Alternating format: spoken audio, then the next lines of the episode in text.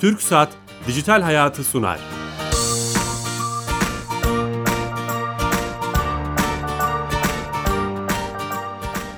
Herkese merhaba, ben Bilal Eren. Teknoloji ve dijitalleşmenin hayatlarımıza etkilerini konu edindiğimiz Dijital Hayat programımıza hoş geldiniz. Her hafta bir konu ve konukla saat 15.30'da kulaklarınıza misafir olmaya devam ediyoruz. Bu hafta çok önemli bir e, gündemle karşınızdayız. Ayakları yere basmayan tek festival olarak bilinen Teknofest'ten canlı yayındayız. Ve bu yıl üçüncüsü düzenlenen festivalin olduğu yerden yani ülkemizin kadim şehri Gaziantep'ten sizlere seslenmeye çalışıyoruz. Orta Doğu Fuar Merkezi'ndeyiz. Konuğumuz Türkiye Teknoloji Vakfı Yönetim Kurulu Başkanı ve Baykar Savunma Genel Müdürü Haluk Bayraktar. Haluk Bey hoş geldiniz. Hoş bulduk Bilal Bey sağ olun. Şeref verdiniz yayınımıza. Geldik buraya Antep'e indik ve e, büyük bir coşku var. Her yerde Teknofest bayrakları. Tabii bu sene pandemiden dolayı ziyaretçi alınamıyor. Fakat buradaki takımları gördükçe, heyecanı gördükçe, fuar alanına yaklaştıkça onu gördük. İlk izleniminiz e, sizin ne gördünüz? Yani tabii dediğiniz gibi Teknofest bu sene Anadolu'nun bereketli ve kadim toprağı olan Gaziantep'te. E, Teknofest güneşi buradan yükseliyor. İlk defa Anadolu'da da Gaziantep'te yaptık. Ve biz gerçekten çok doğru bir karar vermişiz. Bize çok talep vardı Teknofest'in e, ilk iki tanesi İstanbul'da yapınca. Anadolu'da çok talep vardı. Yani niye Anadolu'ya gelmiyorsunuz? Niye hep İstanbul'da yapıyorsunuz? Dolayısıyla bir sene Anadolu, bir sene İstanbul kararı alındı. Ve Antep'te e, bir sanayi şehri, Türkiye'nin en büyük işte 6. ihracatçı olan şehri. 700 bin burada e, öğrenci var yaşayan, 2 milyon aşkın bir nüfus var. Ve Antep çok sahiplendi Teknofest'i. Yani siz de fark ediyorsunuzdur. Aynen. Yani bu kadar pandemi şartlarına rağmen e, o kurallara uyarak bizim şu an sa- sadece yarışmacılar tabii Teknofest'e bu sene katılıyor. E, ziyaretçiye kapalıyız maalesef. Ama buna rağmen Antep e, yani tüm belediyesi, valiliği e, herkes destek veriyor. O yarışmacı takımların yani bir eksik yaşamaması için yani e, onunla ciddi anlamda destek veriyorlar sağ olsunlar. Çok güzel bu. Yani bu takımlar, bu projeyi geliştiren takımlar Türkiye'nin her yerinden yani seks- e, 81 ilimizden burada takımlar var. Yani e, binin aşkın takım burada. Toplam 21 bin takım başvurmuştu ama bini burada şu an. Ve her aşamada sağ olsunlar iyi çok iyi sahiplendiler. Çok müthiş bir misafirperverlik var. Zaten malum e, yani Anladım. gastronomi ve yemek Gastronomi. tarafında burayı konuşmaya gerek yok. Dolayısıyla güzel bir heyecan var. E, bizler de burada e, Türkiye Teknoloji Takım Vakfı'nın yöneticileri olarak yani bu organizasyonda organizasyonun paydaşı olarak düzenleyici kuruluşları olarak herkes burada. Onlar da gençlerimizle birlikte. Güzel bir atmosfer var. O- onların projelerini dinliyoruz, geziyoruz, konuşuyoruz. Bir e, onların hayallerine dair, e, projelerine dair ufuk bizlerle geleceklerini paylaşıyorlar. Biz de bildiğimiz ölçüde onlara destek olmaya çalışıyoruz. O Güzel bir- detayları soracağım. Bugün Evet. havalimanından gelirken havalimanından şehre ulaşım hizmeti sağlayan otobüse bindim. E, şoför arkadaş Teknofest'e gidecek misin diye sordu bana. Yani buradaki şoför arkadaş bile buna sahiplenmiş. Dedim e, e, e, girmeye gitmeyi düşünüyorum, gideceğim. O zaman e, sevindi ve mutlaka gitmemi söyledi. Şehir sahiplenmiş gerçekten. Kesinlikle yani e, Antep gerçekten e, misafirperverliğiyle bizi burada çok güzel sahiplenmiş durumda. Evet. Şimdi biraz da içeriği konuşacak Evet. olursak ben ilk yayını, ikinci yayını da yapmıştım sizlerle beraber canlı ve oradaki takımları, yarışmaları 10 adet veya 12 adet yarışma vardı. Bugün baktığım zaman 20'nin üzerinde yarışma var gibi görüyorum. Aa, yanlış mı söylüyorum? Doğru. Hatta bazılarını zikredecek olursam roket yarışması, elektrikli araç yarışması, binek otonu, robot taksi, insan savarıcı, motor uydu, insanlık yararına teknolojiler gibi e, hatta tarım, biyoteknoloji inovasyon yarışması gibi bu yarışmalar artıyor değil mi? Evet. Bu Yani kesinlikle yani biz ilk başladığımızda bu kadar yarışma yoktu ve biz her her geçen yıl e, aldığımız geri beslemelerle farklı alanlarda açılımlar yapmaya başladık. Mesela bu sene ilk defa e, biyoteknoloji inovasyon yarışmasını olsun, işte bu helikopter tasarım yarışması olsun, tarım teknolojileri bu sene girdi. Tarım teknolojileri malum bu e, şey son dönemlerde de çok öne çıktı. sizin isminizden esinlenmişler. Ziya demişler. Siya'dan Ziya, Ziraat evet. Zira- evet. Z'sini. Biz tarım sektörüne yönelik bir evet ilaçlama İHA'sı var İlaçlama burada işi yapıyor. sergilenen. Çevre ve enerji teknoloji yarışmaları ilk defa bu sene düzenleniyor Sanko sponsorluğunda.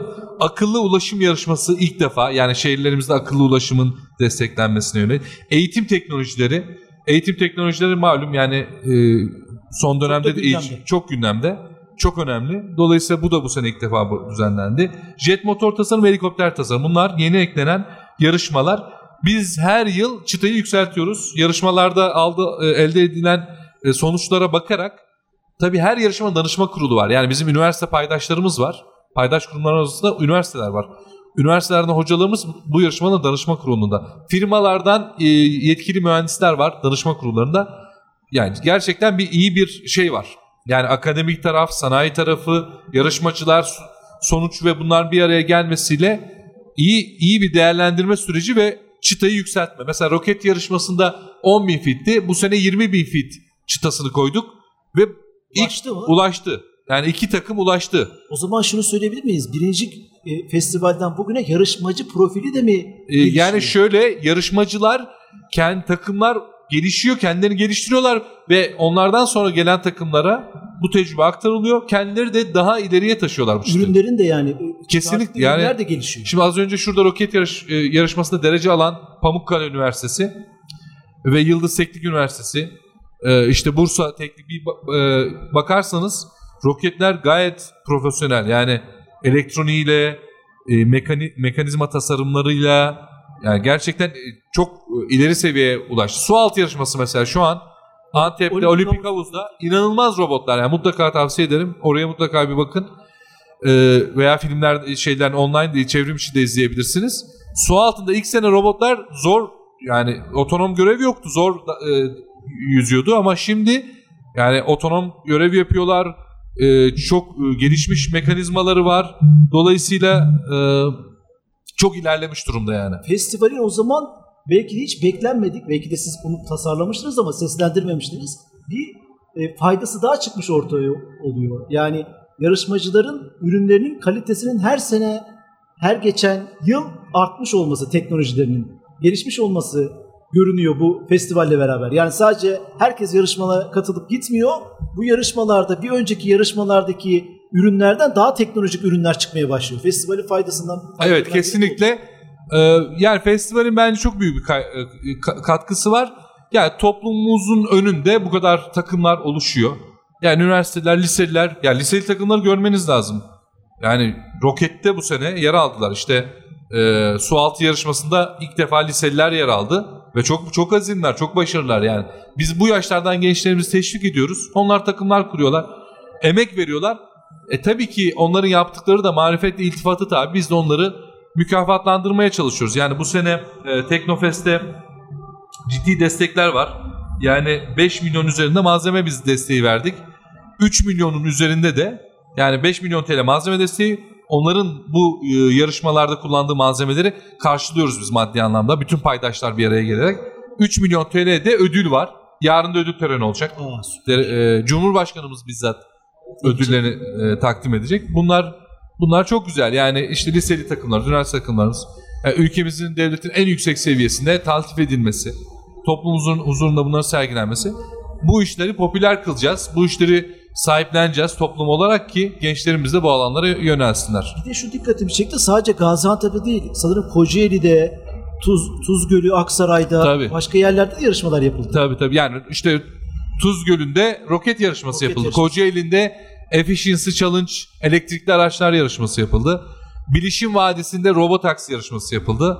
Burada Alembe Gölü'nde orada insan savar aracı yarışması yapıldı. Dolayısıyla e, işte hack, hacker yarışması var. O şu an görünürde değil. galiba. Tamamen çevrim içi biz hackerları da görmüyoruz. Onlar biraz kendilerini göstermek istemediğinden kaynaklı durumlar. Ee, çok farklı ortamlarda e, yarışmalar e, hem Teknofest boyunca hem de öncesinde devam etti. Online demişken, çevrim, çevrim içi demişken buraya katılamayanlar nasıl burayı takip E, edebilir? sosyal medya kanallarından canlı görüntüler yayınlanıyor. Canlı bütün yarışmalara ait Yayınlarını gördüm ben. YouTube, e, Twitter, işte Instagram e, her yerden e, yayın Facebook oralardan e, bu mecralardan yayınlanıyor. Dolayısıyla zaten bu sene daha çok medya paydaşlarım işte TRT medya paydaşımız. Medya paydaşlarımız sağ olsunlar. Sizlerin katkısı çok önemli. Sizler de bu gelişmeleri paylaşıyorsunuz, yayıyorsunuz.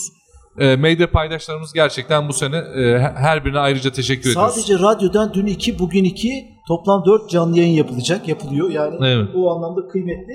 Şunu sormak isterim son olarak. e, Teknofest tarafında. Hatta dinleyicilerimize tekrar etmekte fayda var. Türkiye Teknoloji Takımı Yönetim Kurulu Başkanı Haluk Bayraktar'la, Sayın Haluk Bayraktar'la beraberiz. Gaziantep'teyiz. Bu işe başlarken hayaliniz olan bu iş gündem olsun, teknoloji gündem olsun. Artık bunu başardık diyebiliyor musunuz? O, o havayı yarattık mı atmosferi? Yani e, gerçekten şimdi bizim bir hedefimiz vardı. Ülkemizde işte biz bir girişimdik. Yani 7 kişi başladık Baykar olarak iş hayatına. İnsan savarıcı teknolojisini ülkemize milli ve özgün olarak kazandırmak için yıllarca çalıştık. Birçok e, farklı durumlarla karşılaştık. Biz istiyoruz ki bu yaşanılanlar yani her alanda başarı örnekleri ortaya çıksın. Ülkemizin özellikle bu son dönemlerde öz yeterlilik ne kadar öne çıktı görüyorsunuz. Yani işte bir solunum cihazı örneğinde e, yoğun bakım solunum cihazını 15 günde seri imalat haline getirdik. Bizim yapamayacağımız iş yok. Yeter ki önceliklerimizi belirleyelim ve millet olarak ülkemizdeki başarılı girişimlere sahip çıkalım. Bir ekosistem kuralım ve bunların önündeki engelleri kaldıralım ve doğal yollardan bu girişimler, fikirler, hayaller gerçeğe dönüşebilsin. Milli Teknoloji Hamlesi'nin de temel hedefi buydu. Teknofest de Milli Teknoloji Hamlesi'nin yayılması adına çok önemli bir platform oldu. Ee, Özgüven yitirdik sana. Kesinlikle yani ben birçok takımda bunu görüyorum. Şimdi az önce şurada uçan araba yarışmasında Trabzon'dan Hezarfen takımı vardı. Yani 8, 9, 10 yaşlarında 3 genç çıktı. Ee, akademik hocaların, profesörler artı firmaların karşısında o gençler uçan araba tasarımlarını yarım saat boyunca anlattılar. Harika. Tek tek. Şimdi bu büyük bir şey. Yani hem özgüven hem de 20 yaşında o çocuk ne olacak? Tabii. Yani hani büyük bir katkı.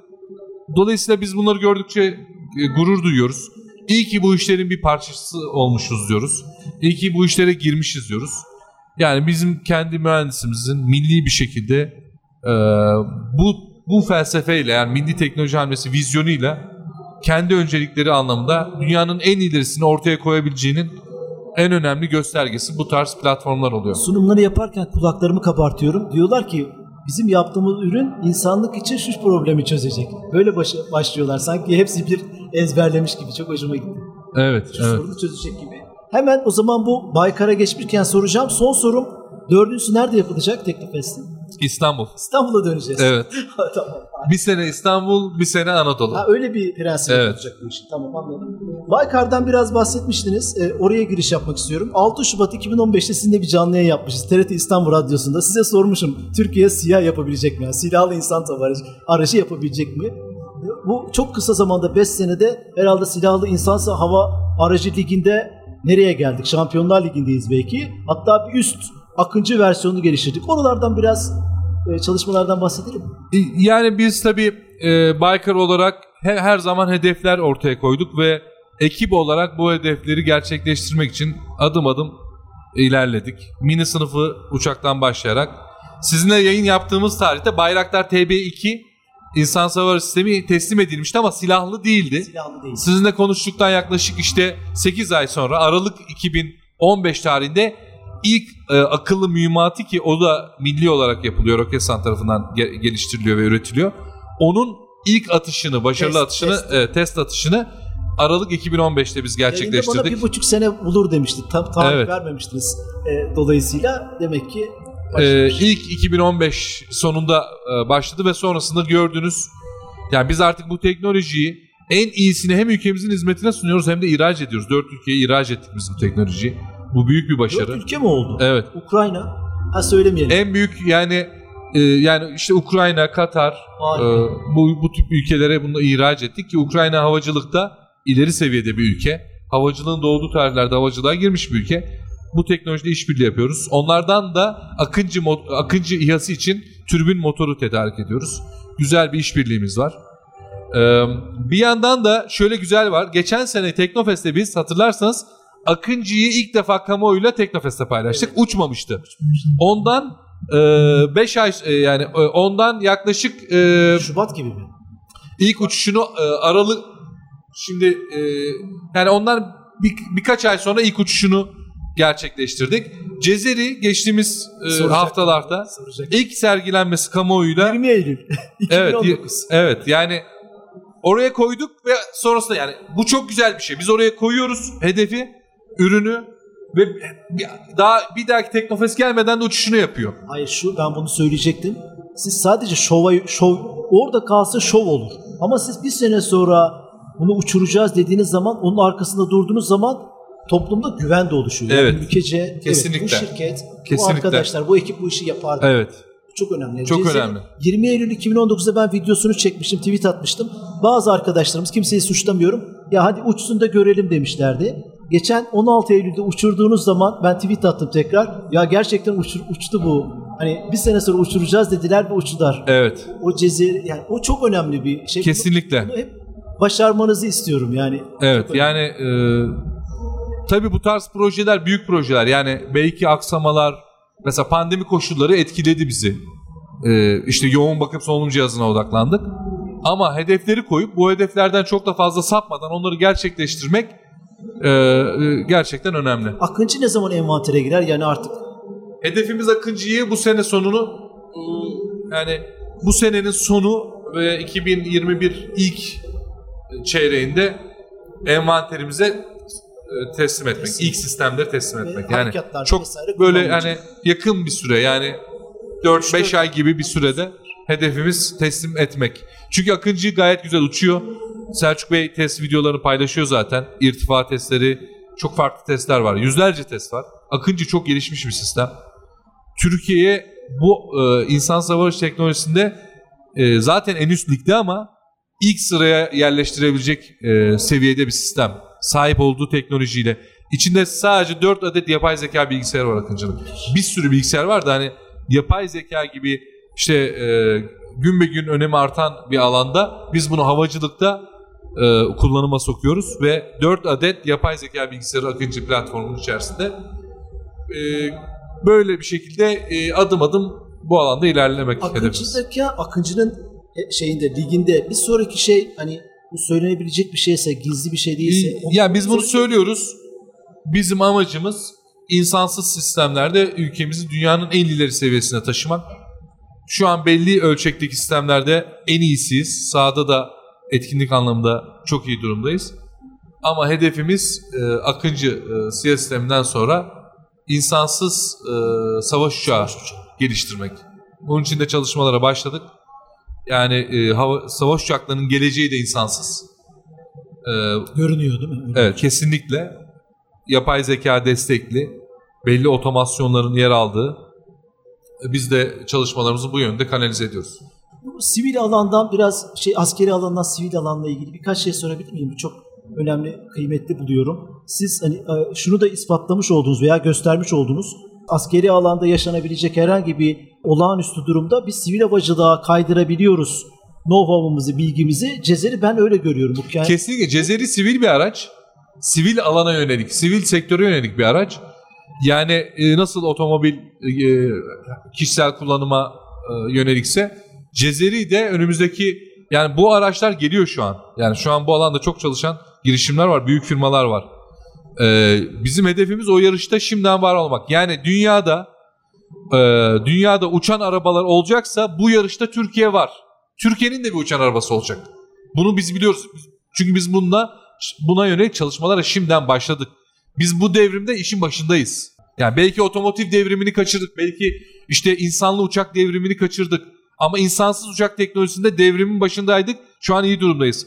İnsansız uçan otomob e, e, uçan otomobillerle Kentsel de hava aracı diyebilir Evet, kentsel hava aracı gibi. Başta rekreasyonel alanlarda kullanılabilir. Bir 5 sene gibi bir vadede. Yani böyle kırda, bayırda, çayırda insanlar veya kargo taşımacılığı. Ama onun hemen ardından kentsel taş- e, taşımacılığa doğru da güven oranları yani güvenilirliği arttıkça sistemlerin ve e, bu bu kanala doğru ilerleyecek. Orada regülasyonlar lazım değil mi? Kesinlikle tabii. Yani şimdi teknoloji her zaman regülasyonların önünde. Biz bunu alanlarda çalıştıkça regü- regülasyona anlamında da e, çalışmalar peşinden gelecektir diye ben düşünüyorum. şöyle şeyler yazmıştım. 100 km hızla 2000 metre uçuş irtifası, 80 km menzil, 241 kilo kalkış. Sizin testinizde 230 kilo kalktı. Yani bu Evet. şeyleri de yaklaştınız şeye. Evet evet. İşte ya biz %100 elektrikli 4 motor var evet gibi gibi. 8 motor. 8 motor mu? Yedekli yani Ha, her bir sekiz eksende motor, iki pardon. motor var. elektrikli. Belli tabii bara- şeyler var. Teknolojik bariyerler var. Aşılması gereken. Mesela batarya teknolojisi. Enerji yoğunluğu bataryaların. O bizim dışımızda bir alan. E, Ya o alanda da Türkiye'de e, belli adımlar var. Bu e, belli teknolojik bariyerler, işte yapay zekada bilgisayarların daha da e, işte etrafını algılayabilecek e, etkin rota yol haritası çıkarabilmesi. Bunlar hep çalışılan, gelişen alanlar. Biz şu an temel anlamda otonom bir şekilde otomatik iniş kalkış, havada stabilizasyon e, bunlar icra edilmiş oldu. Yapay zeka bilgisayarı var. Belli ölçüde etrafını tanıyabiliyor. Yani yapay zeka bilgisayarı şu an havada bulut, yerde ağaç, pist, e, işte bina bunları tanıyabiliyorlar. Tanıyabiliyor bilgisayarlar. Ama bunların daha da ileriye gitmesi gerekiyor. Peki bundan sonra o testler bir sene sürer mi? Yani bir dahaki Eylül'de ne Biz, olacak o cihaz? e, yani o cihaz e, yani şöyle tabi e, spesifik tarihte ne olacağına dair şu an bilgi vermem belki erken olur ama bu testler devam edecek. Uçuş testleri, güvenlik testleri. Daha sonra insanlı pilotlu uçuş testleri aşamasına. E, işte pilot ve bilgisayar arayüzlerinin iyice oturması. Çünkü bu herhangi bir havacılık deneyimine sahip olmayan insanların kullanabileceği bir araç olacak. Pilot olmayacak. Tabii. Kendimiz Ki herhangi bir tabii kişisel ehliyet arabadaki nasıl ehliyet alıp rahatça arabayı kullanabiliyorsak onun daha da kolay olacak şekilde daha otomasyona sahip bir sistem çünkü. Ee, o hale getireceğiz biz adım adım. Gördüğüm kadarıyla dünyada insanlı testi yapabilen Çin'de bir firma. Onu da haberlerden görüyoruz Avrupa basınından. E, O anlamda testleri yapan 4-5 firmayla beraber aynı Evet. hizada Evet, yani biz şu an yarışa başında varız. Dünyada bu bu uçan otomobiller e, piyasaya çıkacaksa Türkiye'de bu işin başında var. Bu e, bu önemli. Baykar Savunma'nın da e, çalışmalarını dinlemiş olduk. Son olarak şunu sormak isterim. Türkiye Teknoloji Vakfı pandemiden dolayı deney yap atölyeleri, birçok sizin eğitimleriniz vardı. Onlarla ilgili nasıl bir Ee, süreç işleyecek? Tabii bilim merkezleri deney yaplar şu an e, bir e, sınıf ortamında çalışmaları yapamıyoruz. Çalışmalarımızı belli ölçüde etkiledi ama çevrim içi dersler yapıyoruz, online dersler yapıyoruz ve o şekilde ilerliyoruz. Yani biz kendi yönetim kurullarımız dahi çevrim içi yapıyoruz. Dolayısıyla e, derslerimizi de eğitim programlarımızda çevrim içi modelleyerek mentörlerimizle, gönüllerimizle, eğitmenlerimizle e, o öğrencileri bıra- yalnız bırakmadan onları takip ederek e, belli eğitimleri almasını sağlıyoruz. Ama tabii ki etkiliyor çalışmalarımızı. Hedef olarak o öğrencileri tekrar Türkiye'nin dört bir yanında EBA gibi bir altyapıda mı buluşturacaksınız? Yani Zaten biliyorsunuz biz e, online yazıl- yazılım eğitimleri, online C, Java, mobil programlama belli eğitimleri online'a geçirdik biz. Ve pandemi döneminde bunları online icra ettik. Bilim merkezlerinde online atölyeler yapıldı. Onlara kayıt yani o şekilde zaten devam etti. Ama EBA gibi tamamen bütün eğitimleri almak o bizim şu an çalıştığımız bir konu kolay bir konu değil.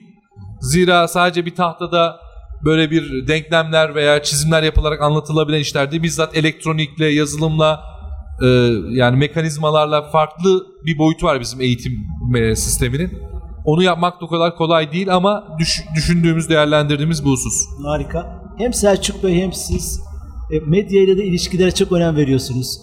E, e, nasıl bu yani hem bu çalışmaları yaparken hem sosyal medyadaki iletişime hem medyaya motivasyon nasıl buluyorsunuz? Hani kişisel bir soru ama. Yani Genelde- tabii biz çok e, açıkçası çok fazla da ben şahsen yani medyada e, yani tabii ki çok yoğun faaliyetlerimiz var. E, yapmamız gereken görevlerimiz var. Ama bizim toplumumuza karşı bir sosyal sorumluluğumuz olduğunu ben hissediyorum. Yani biz bu ülkede yetiştik. İşte belli dönem belki yurt dışında eğitim aldık ama ülkemizdeyiz. Hem Selçuk hem ben hem ekipte birçok insan. Birçok işler yürütüyoruz. Ama bunları yaparken bir ekosistem kurmamız lazım. Yani bu işi tüm Türkiye'ye yaymamız lazım. Sadece bir alanda bir firma böyle değil yani her alanda bizim birçok başarı örneğimiz var. Onları daha da arttırmamız lazım. Dolayısıyla e, bu sosyal sorumluluk altında bizim gençlerimize yönelik bu düzenlediğimiz Teknofest olsun, Deneyap Teknoloji Atölyeleri, bilim merkezleri, e, bu etkinlikler bizleri mutlu ediyor, motivasyon veriyor. Ben burada gelip takımları dinleyip motive oluyorum. İnsanlar sizinle fotoğraf çektirmek istiyor. Evet. ben ben de onlarla çektim. Bazen onlar ben de bazen de ben de onlarla çektirmek istiyorum. Görüyorum başarılarını. E, Çok etkileniyorum e, ve gurur gurur verici gerçekten. E, Karşılıklı bir güzel bir sinerji oluyor ve ülkemize yönelik de bu bizim bir sorumluluğumuz olarak düşünüyoruz. Yani bunu biz Hani medyaya çıkmak için değil veya görün, görünür olmak için de değil. Sadece biz bu gençliği, gençliğimize nasıl bu işleri daha yayabiliriz? Onların önündeki engelleri varsa nasıl aşabiliriz? Nasıl destek olabiliriz? Bu tarz mekanizmalar geliştirmek aslında bizim yaptığımız. Yani burada birçok alandan, farklı alandan e, projeler, e, e, odak alanları var. Biz sadece bu işleri nasıl düzgün organizasyonlar kurarak daha ön plana, daha doğal süreçlerden ilerlemelerini sağlayabiliriz. Bizim derdimiz bu aslında. Hem böyle stratejik iş yapıp hem açık, şeffaf olmak. Allah mütevazinizi bozmasın. Hani bu çok önemli. Yani siz ulaşılabilir de e, görüyorum. E, bu çok kıymetli. Yani sosyal medyadan olsun. Burada insanlarla konuşuyorsunuz. Hani ulaşılamaz hem de çok stratejik bir iş yapmanıza rağmen. E, bu çok kıymetli. Yani tabii ki ben bu tarz böyle çok kapalı çevrim olmasını eskiden savunma sanayinde hatırlıyorum fuara gittiğinizde e, bir şey sorduğun zaman cevap vermezlerdi. Aynen. Şimdi öyle değil. O firmalar gençlere bizzat o yarışmalara sponsor oluyor. Teknofest hatırlayın geçen sene nasıldı? Herkes kendi sistemlerini anlatıyor. Uçağa dokunuyor. Yani işte as, askerler vardı bin- askerler helikoptere bindiriyor. Fotoğraf çektiriyorsunuz. Tabii bakın dünyadaki en büyük gelişmeler yani havacılıkta uzayda teknolojide en iyi işlere imza atmış insanların çocukluklarında bir hikayesi var. İşte Sergey Korolev var ilk dünyanın en büyük meşhur roket mühendisi Ukrayna'dan çıkmış. Çocukluğunda planör şenliklerine katılmış. Bakın dünyada herhangi birine bakın. Hepsinin çocukluğunda bir hikaye var. Dolayısıyla bizim gençlerimiz daha ufak yaştan bebekler geliyordu Teknofest'e geçen sene hatırlayın.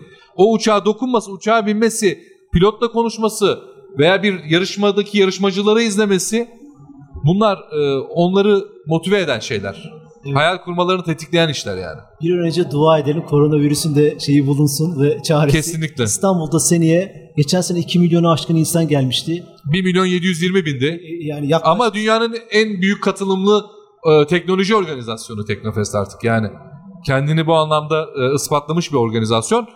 Ve Türkiye'nin de yani bu kadar 63 paydaşlığı çok büyük bir organizasyon gerçekten. Yani e, kolay Sadece değil. Bizim burada yok. gönüllü yani bu işi yöneten ekipler bizim hem vakıf yöneticileri hem paydaşlarımız hem gönüllüler hepsine buradan ben teşekkürlerimi şükranlarımı da arz ediyorum. sadece çocuklar yoktu. Çok yaşlı insanlar gördüm yani metroya otobüse binmek binmekte zorlanan ama bu çocuklar ne yapıyor deyip görmek istediler. Dolayısıyla bu güzel atmosferin, e, güzel havanın devam etmesini istiyoruz. Antep'te de devam ediyor. Sevgili Haluk Bayraktar'a teşekkür ediyoruz. Türkiye Teknoloji Takımı Vakfı Yönetim Kurulu Başkanı ve Baykar Savunma Genel Müdürü Haluk Bayraktar'a teşekkür ediyoruz. Şeref verdi. Yayınımıza katıldı. Bu hengamenin bir koşturma içinde. Antep'ten yayınımız sona erdi. Teknofest'ten 2020. Kadimşehir Antep'teydi. Harika yarışmaların olduğu, üniversiteli gençlerin e, yarıştığı, e, muhteşem yarışmaların olduğu, 20'den fazla yarışmanın olduğu e, etkinlik devam ediyor. Yarın ne kadar devam edecek ve buradan haberleri sizlere vermeye TRT e, radyosu ve TRT ekibi olarak devam edecek arkadaşlarımız. Burada çok büyük bir emek var. E, hatta bu yarışmalardan birkaç tanesini de sizlerle paylaşmak isterim.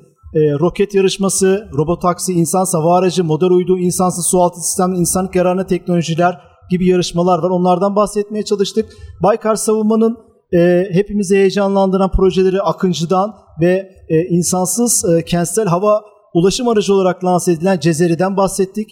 Ee, Türkiye Teknoloji Takımı'nın pandemi öncesinde yaptığı e, e, Bilim Üniversitesi, Bilim Akademisi ve Deney Yap projesinin çevrim içi olarak devam edeceği haberini Haluk Bayraktar'dan almış olduk.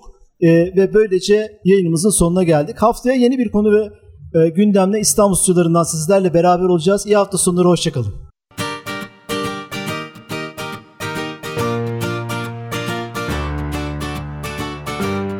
TürkSat Dijital Hayatı sondu.